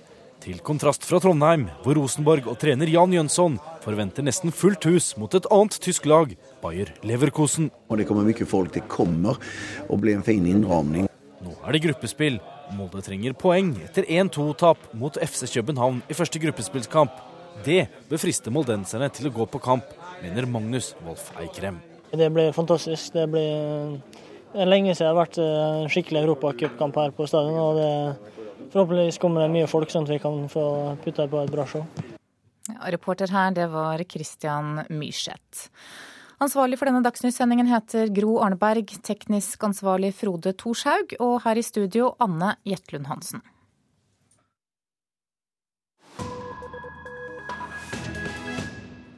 Nå til det kriserammede Spania, der regjeringen har fått en ny hodepine. Kravet om uavhengighet for landets rikeste region, Catalonia. Katalanske myndigheter skrev i forrige uke ut nyvalg, og vil deretter holde en folkeavstemning om løsrivelse fra Spania. Arnt Stefansen har laget denne reportasjen. Catalonias hovedstad Barcelona i forrige måned. Hundretusener av mennesker går gjennom gatene og krever løsrivelse fra Spania. Katalanerne, som har en lang historie som uavhengig nasjon, ser i stor grad den spanske staten som en tvangstrøye. Særlig gjelder dette økonomien, der folk i det rike Catalonia føler at de betaler for lite produktive spanske medborgere og for et lite effektivt statlig byråkrati i Madrid. Vi katalanere betaler regningen for andre spanjoler, sier en av deltakerne i demonstrasjonen. Og på toppen av det hele blir vi kritisert for å være selvgode og egoistiske. Jeg blir syk av å høre på slike synspunkter, og ser frem til den dagen da vi katalanere blir herre i eget hus, sier hun. Og i forrige uke tok Catalonias ledelse konsekvensen av folkets misnøye. Regionens regjeringssjef Arthur Mas fra nasjonalistpartiet Samling og enhet kom med denne kunngjøringen i det katalanske parlamentet. Jeg har hatt møter med lederen for parlamentet og med mine regjeringskolleger, og jeg gjør herved kjent at jeg har besluttet å oppløse parlamentet i løpet av noen få dager og skrive ut et nyvalg som skal holdes den 25. november i år, sier statsministeren. Den katalanske nasjonalismen har blomstret kraftig den siste tida i første rekke pga. den dype økonomiske krisa i Spania. Katalanske myndigheter har krevd å få kontroll over skatteinntektene, slik deres kolleger i region Baskerland har fått adgang til, men regjeringen i Madrid sier nei, noe som opprører katalanerne kraftig. Dette er en strid som har vart i mange år, sier Olga Pallas, som spaserer på Barcelonas verdenskjente hovedgate La Rambla. De som styrer i Madrid, hører ikke på oss og prøver alltid å tråkke på oss. De ydmyker oss, og det er viktig at vi katalanere sier klart fra hvor vi står. Vi må kjempe for vår egen stat, for dersom vi fortsetter å være en del av Spania, mister vi etter hvert vårt eget, og Catalonia forsvinner, sier hun. I slutten av neste måned går altså katalanerne til valg. og Deretter er planen å holde en folkeavstemning om uavhengighet fra Spania. Om det blir snakk om en full løsrivelse i denne omgang, er tvilsomt. Men misnøyen med det spanske styret er altså stor, og flertallet vil trolig stemme for økt selvstyre. Men politikerne i Catalonia driver et høyt spill. For det er ingen åpning i Spanias grunnlov for å løsrive seg fra landets sentralmakt. La consulta s'ha de produir en qualsevol cas. Vi vil be om folkets mening i denne saken uansett, sier Catalonias regjeringssjef Arthur Mas. Hvis myndighetene i Madrid snur ryggen til oss og motsetter seg enhver form for avstemning, kommer vi til å gjennomføre den likevel, sier den katalanske lederen. Dette er Nyhetsmorgen med disse hovedsakene. Mitt Romney blir av de fleste kommentatorer kåret til nattens debattvinner mot president Barack Obama. Nesten halvparten av de som blir utsatt for seksuelle overgrep, blir utsatt for dette før de fyller sju år. Og det er spent mellom Tyrkia og Syria etter gårsdagens rakettangrep. Nato hadde krisemøte i eh, natt. Og EØS-avtalen er i vinden igjen. Ja, det har blåst opp rundt den programleder i Politisk kvarter, Bjørn Bø. Ja, det murres på grunnplanet i LO og i Arbeiderpartiet. Det kan bli dramatikk i flere nominasjonsprosesser. Er hele EØS-systemet i spill, spør vi.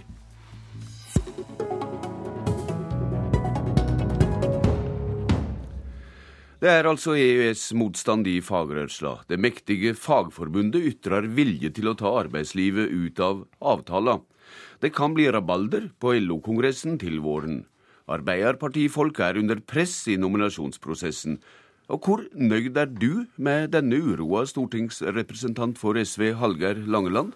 Jeg er veldig fornøyd med at vi får en debatt om EØS-avtalen. Nå har jeg vært på Stortinget siden 1997 og sett på alle de direktivene vi får fra EU som på en måte fører til at Stortinget blir, for får mindre makt. Eh, da er det viktig at vi diskuterer om vi ønsker å ha denne avtalen som bl.a.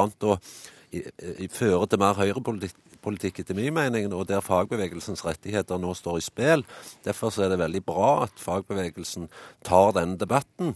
Og jeg må jo si at jeg er forundra over ja-folk, både de sier ja til EU og ja til EØS, at de ikke er mer på banen og forklarer hvor godt det er i EU. Nå har jeg nettopp vært på studietur i Spania og Portugal. og der er det jo 50% ungdomsledighet, bl.a. Eh, masse boligspekulanter som har investert for mye penger i feil ting. og i det hele tatt, det er et politisk økonomisk system i, i krise. Det var uh, brei innledning, det, Hallgeir Langeland. LO-leder Roar Flåten har sagt at det ikke er EØS, men ei borgerlig regjering som er største trugsmålet mot norsk arbeidsliv. Hvor samd er du i det? Det er klart at ei borgerlig regjering vil føre en enda mer aktiv tilpasningspolitikk til EU enn den rød-grønne. Men det er sånn at eh, Arbeiderpartiet òg er selvsagt for EU. Det betyr at EØS-avtalen som ligger i bånn, og som på en måte vi ikke får lov å gjøre noe med nå i den rød-grønne regjeringa, er et problem. Fordi at eh, det er jo sånn at eh, den fører til mer høyrepolitikk, sånn som SV oppfatter det. Litt sammen med Roar Flåten var du altså? Ja, litt samt med men, men ikke, ikke, sånn at jeg ikke vil gå til angrep på EØS-avtalen. For jeg er enig med de deler av fagbevegelsen som nå føler eh, rettighetene trua. Vi har vik vikarbyrådirektiv, vi har samarbeida med Postkom om postdirektiv, som, vi har lagt ned veto mot. Vi har hatt datalagringsdirektiv. Vi har mange direktiver som har trua på en måte det norske velferdssystemet. Og det, det, er jo klart at det vil SV beskytte. Utenrikstalsmann i Arbeiderpartiet, Svein Roald Hansen.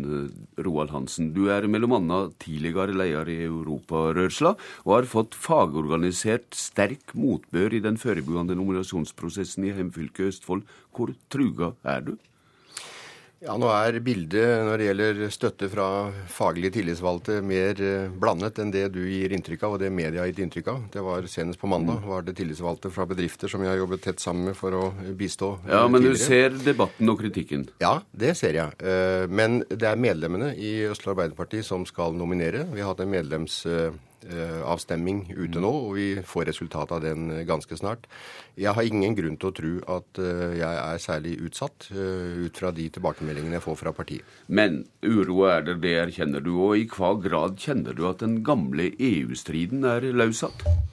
Ja, den for deler av det som nå skjer, skyldes den gamle EU-striden. Og det er noen, bl.a. Nei, organisasjonen Nei til EU, Eh, som helt åpent har sagt at de ønsker å eh, fjerne EØS-avtalen og undergrave den bit for bit ved å få veto mot enkeltdirektiver. Det tror jeg de i fagbevegelsen som er opptatt av og ser betydningen av EØS-avtalen for forhold til Europa, skal være oppmerksom på. Her er politiske motsetninger som er brysomme for Arbeiderpartiet akkurat nå. Jo, I tillegg til det jeg sa, så skal vi også være klar over at det er utviklingstrekk i norsk arbeidsliv som er bekymringsfullt. Med mye løsarbeidere, lite, mindre fast ansettelse. Men det skyldes ikke EØS-avtalen. Det er ting vi må håndtere i Norge, og som vi eh, har gjort gjennom store, omfattende tiltakspakker mot sosial dumping bl.a. Som vi har kunnet gjøre innen EØS-avtalen. Det er tydeligvis uh, ulike meninger om dette. Ja, det vil det, det vil det, være. Men faktum viser jo at vi har eh, gjennomført en rekke tiltak mot sosial dumping gjennom allmenngjøring og andre tiltak som er akseptert og fullt mulig innenfor EØS-avtalen. Leder i utenrikskomiteen i Stortinget, Ine Eriksen Søreide fra Høyre. EØS er ikke dykkar favorittordning i europapolitikken, og da er det kanskje bare bra at det blir mørra i fagrørsla? EØS-avtalen er vår livlinje til Europa. Den har tjent oss veldig godt i 20 år. 75% av eksporten vår går til EU, og vi er helt avhengig av den markedsadgangen som EU gir til våre varer, kanskje spesielt fisk. Eh, så vi er fornøyd med å ha en EØS-avtale eh, i mangel på et EU-medlemskap, som er det vi egentlig ønsker. Men vi har hatt mange debatter i Stortinget, særlig i forbindelse med de halvårlige EU- og EØS-redegjørelsene som Høyre fikk på plass i den forrige europameldinga. Og da har eh, særlig Jonas Gahr Støre ofte brukt anledningen til å si at eh, nettopp fordi vi har påpekt en del demokratiske utfordringer med EØS-avtalen, altså at vi mm. gjør det samme som et EU-medlemskap, men uten stemmerett, så har da Jonas Gahr Støre ment at vi snakker EØS-avtalen ned. Eh, jeg vil si at et langt større problem enn at vi påpeker eh, mangler ved EØS-avtalen, er jo at Arbeiderpartiet har slutta å snakke om EØS-avtalen, og får da den mm. type reaksjoner som fra sentrale deler av fagbevegelsen nå. Mistenker du at samrøret mellom fagrørsla og Arbeiderpartiet kan gjøre at Arbeiderpartiet kan bli truga til å sette EØS-avtalen i spill? Jeg syns i hvert fall det er urovekkende tendenser. Eh, og jeg mener at det at Arbeiderpartiet og sentrale folk i Arbeiderpartiet, som f.eks. Jonas Gahr Støre og Jens Stoltenberg, har latt være å diskutere EØS og latt EØS-motstanderne i mm. Arbeiderpartiet og i fagbevegelsen få fritt spillerom, har jo ført til eh, at man ser f.eks. Eh, et vedtak om å bruke reservasjonsretten mot postdirektivet. Mm. Og postdirektivet er jo noe som ingen sentrale folk i Arbeiderpartiet på noe tidspunkt har klart å forklare hvorfor man skulle bruke reservasjonsretten mot, og på den måten sette viktige norske interesser på spill. Nei, Dette ble jo avgjort av eh, landsmøtet i Arbeiderpartiet, men Svein Roald Hansen, slik allment så høres det ut som at uh, Ine Eriksen Søreide mener du har sovet i timen? Er det noen som har snakket om Europa og EØS de siste årene, så, så er det undertegnede. Ja, Hun tok med både statsministeren og den tidligere utenriksministeren også. Ja, men det er jo litt underlig kritikk, fordi det var under denne regjeringen vi begynte med halvårige redegjørelser om, EØS, eh, om Europa og EØS. Slik at vi har diskutert det to ganger i, i Stortinget i året, som Ine Marie eh, Eriksen sier. Eh, så det har ikke vært mangel på debatt om det i Stortinget. Problemet er at det har vært lite interesse eh, for de spørsmålene ute i media, ute blant befolkningen. Og det å diskutere ting som folk er lite opptatt av, det er ganske krevende. Det verker ikke som det er eh, særlig liten interesse for dette på grunnplanet i arbeiderrørsla for tida. Hallgeir Langeland, fri rørsle av arbeidskraft er en av EØS-systemets grunnleggende fire fridommer. Tror du, som det synes Fagforbundet tror, at det er mulig å ta arbeidslivet ut av EØS og la resten av avtalen gå videre? Ja, det tror jeg absolutt, men det er ikke minst en viktig debatt å ta opp. Og det er det jeg støtter fagbevegelsen på, at en må få en diskusjon om at EØS-avtalen truer faglige rettigheter. og Det er jo det som fagbevegelsen nå tar opp. Og Jeg syns det er rart at de to EU-tilhengerne som er her i dag Ine Marie er jo tydelig på at hun vil inn i EU. Svein Roald er ikke like tydelig på det i dag. Altså, De vil inn i et system som fører til mer høyrepolitikk, og høyrepolitikken har altså spilt fallitt. Det, det så jeg helt tydelig nå når vi var i Portugal og, og Spania, der eh, spekulanter og eiendomsspekulanter og andre Ja, det har du fortalt, Langeland. Jo, men altså, det er på en måte, de må òg forsvare det systemet som de vil ha sterkere tilknytning til, istedenfor eh, det som vi står for i Norge, nemlig en velferdsstat der fagbevegelsen og, og arbeidsfolk har rettigheter. Når du er så markant, Langeland, hvor viktig mener du det er å markere SVs EØS-motstand i den kommende valgkampen, der det skal prøve å hindre borgerlig flertall? Ja, Det mener jeg er kjempeviktig. For EU-systemet er jo et høyresystem som fører til reduserte faglige rettigheter og fører til at spekulanter og folk med mye penger får mer makt. Altså Det er et markedsbasert system eh, der eh, det skal være fri flyt av det meste. og Det systemet må jo selvsagt vi i SV sørge for at blir en del av valgkampen. Og Der er det jo prisverdig at det norske folk nå nærmest 80% er imot EU. og Da er det betenkelig at Høyre og Arbeiderpartiet, som er for EU, ikke diskuterer den saken nå særlig. Langeland, du er med fra studio i Stavanger, og du ser ikke at her i studio vifter både Svein Roald Hansen og Ine Eriksen Søreide for å få ta deg et tak her. Hansen først. Ja, det, det, det her Langeland går fullstendig vill når han sier at det, det er EU-systemet som gir høyrepolitikk. Det er politikken i landene som gir høyrepolitikk eller sosialdemokratisk politikk eller venstrepolitikk. Når vi, altså, han tror at, at, eh, at, arbeidslivspolitikken kan tas ut av EØS-avtalen. Det er helt umulig, fordi det vil jo innebære at Norge kan se bort ifra et regelverk om f.eks. å begrense ukentlig normalarbeidstid til 48 timer. Mange land i EU vil ha 60, og de vil jo ikke sitte og se på at Norge kan innføre 60 timers arbeidsuke og få en konkurransefordel. De vil ikke se på at vi kan se bort ifra helse-, miljø- og sikkerhetsbestemmelser. Vi er nødt til å følge regelverket enten vi vil eller ikke. F.eks. å få eksportere varer til Europa med en, med en frihandelsavtale. Så må vi møte standardene de krever, ellers så får vi ikke solgt varene våre der. Inn, du vil jo inn i det systemet, sånn, Roald. Så det er det systemet inn, du forsvarer selvsagt, så det gjør ikke jeg. Vi burde inn i, i, i, i, EU for å få politisk innflytelse, Hallgeir. Eh, Søreide, hva synes du om denne disputten på den rød-grønne sida? Altså Problemet for, for, Svein Roald Hansen er jo at han er helt enig med meg, men det er bare at han sitter i regjering med Hallgeir Langeland og med Senterpartiet, og det er der problemene oppstår. Og jeg mener at Arbeiderpartiet må avklare om de fortsatt skal styre på grunnlag av EØS-avtalen eller ikke, for nå kommer det så mange angrep både fra fagbevegelsen og fra Senterpartiet og SV, som altså sitter i regjering. Det er, noe, det er viktig å få avklart, rett og slett fordi at dette er et spørsmål som er av stor og viktig betydning for norske interesser. Det er ikke noe annet avtaleverk som betyr mer for norske interesser nå enn tilknytninga gjennom EØS. Svein Roar Hansen, du har litt å bale med både i eget parti og med samarbeidspartnerne SV og Senterpartiet, som både er prinsipielt imot EØS. Ja, men jeg kan gi Ine Marie eh, Eriksen Søreide eh, den avklaringen her og nå. Regjeringen styrer på grunnlag av EØS-avtalen og Nato-medlemskap. Det kommer den til å fortsette med etter 2013. Hører, du det, hører du det, Langeland? Ja, jeg hører det, men jeg hører òg at Ine Marie hun er, er, vil inn i EU. Et system som er i fullstendig krise, der 50 ja, Det sa Hansen også at han vil inn i her for kort tid siden. Ja, og nettopp det er, et et hovedproblem for de som er tilhengere av EU, at de ikke er villige til å ta inn over seg krisen. er ikke den rød-grønne regjeringen, krisen er i EU. Men, men, det holder jo ikke fra Svein Roald Hansen å si at man skal styre på grunnlag av EØS-avtalen hvis det til stadighet er sånn at regjeringas politikk, norsk politikk, blir at man undergraver EØS-avtalen direktiv for direktiv. Både gjennom postdirektivet, gjennom andre diskusjoner som tollsaken nå f.eks., som kan få stor betydning for norske interesser. Da hjelper det ikke å si at man styrer på grunnlag av EØS-avtalen. Da må man også gjøre det, og da må man ta et oppgjør internt med de kreftene som ønsker å undergrave EØS-avtalen. Ja, Hansen? Oppgjør internt? Ja, Det er ett eksempel, og det er postdirektivet, som vi har sagt vi skal reservere oss mot. Tollsaken er innenfor EØS-avtalen, innenfor eh, det, det regelverket. Eh, så regjeringen har styrt på grunnlag av EØS-avtalen, og det kommer den til å fortsette med. Og det vet Ine Marie Eriksen Søreide veldig godt. Ine Eriksen Søreide, hvor bra er det for Høyre i valgkampen med denne EØS-uroa i regjeringslegeret? Jeg konstaterer i hvert fall at både Høyre og alle de andre borgerlige partiene har sagt klart og tydelig fra at EØS-avtalen ligger som et fundament. Eh, og det er jeg glad for, og det skulle også bare mangle. Det er som sagt en avtale som har tjent Norge veldig godt i 20 år, og som er uhyre viktig for oss. Hvor hardt vil du arbeide opp mot LO-kongressen til våren, Hallgeir Langeland?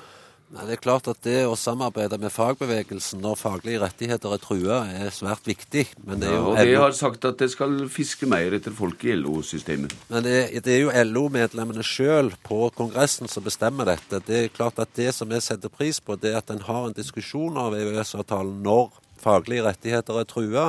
Og så òg at en får en diskusjon om hele EU-systemet, som nå er i krise, og som da Ine Marie Eriksen og Svein Roald Hansen vil inn i. Eh, og der er det altså da i Spania og, og, Portugal høy arbeidsledighet, masse sosiale problemer. Det er folk flest som betaler regningen, det er ikke de rike. Men det skyldes ikke EU, Hallgeir? Ja. Det skyldes dårlige politiske prioriteringer i de landene. Ja, Men, men uansett så er vi i dette landet her nå, og her blir det spenning rundt dette fram imot uh, stortingsvalget. Det kan du nesten garantere, Hørrig Langland? Det kan jeg garantere at det, dette blir det debatt om, og jeg er glad for at fagbevegelsen er på banen på den måten som de nå er. Uh, når du skal summere opp dette, Ine Marie uh, Eriksen Søreide, hvor, hvor, hvor, tror du at helt på å si, punktum omkring dette blir i valgkampen? Nei, Jeg håper jo eh, at Arbeiderpartiet klart og tydelig avklarer både gjennom handling, ord, at eh, de står bak EØS-avtalen. Og for å sitere Svein Roald Hansen, det noe han sa i Dagens Næringsliv her for litt siden, det å nå skulle f.eks. ta ut arbeidslivspolitikken av EØS-avtalen er som å prøve å komme seg til fotball-VM uten å følge offside-regelen. Det er jeg helt enig i. Da sier vi takk til dykk som var med her i Politisk kvarter, for det er slutt. Jeg heter Bjørn Bø.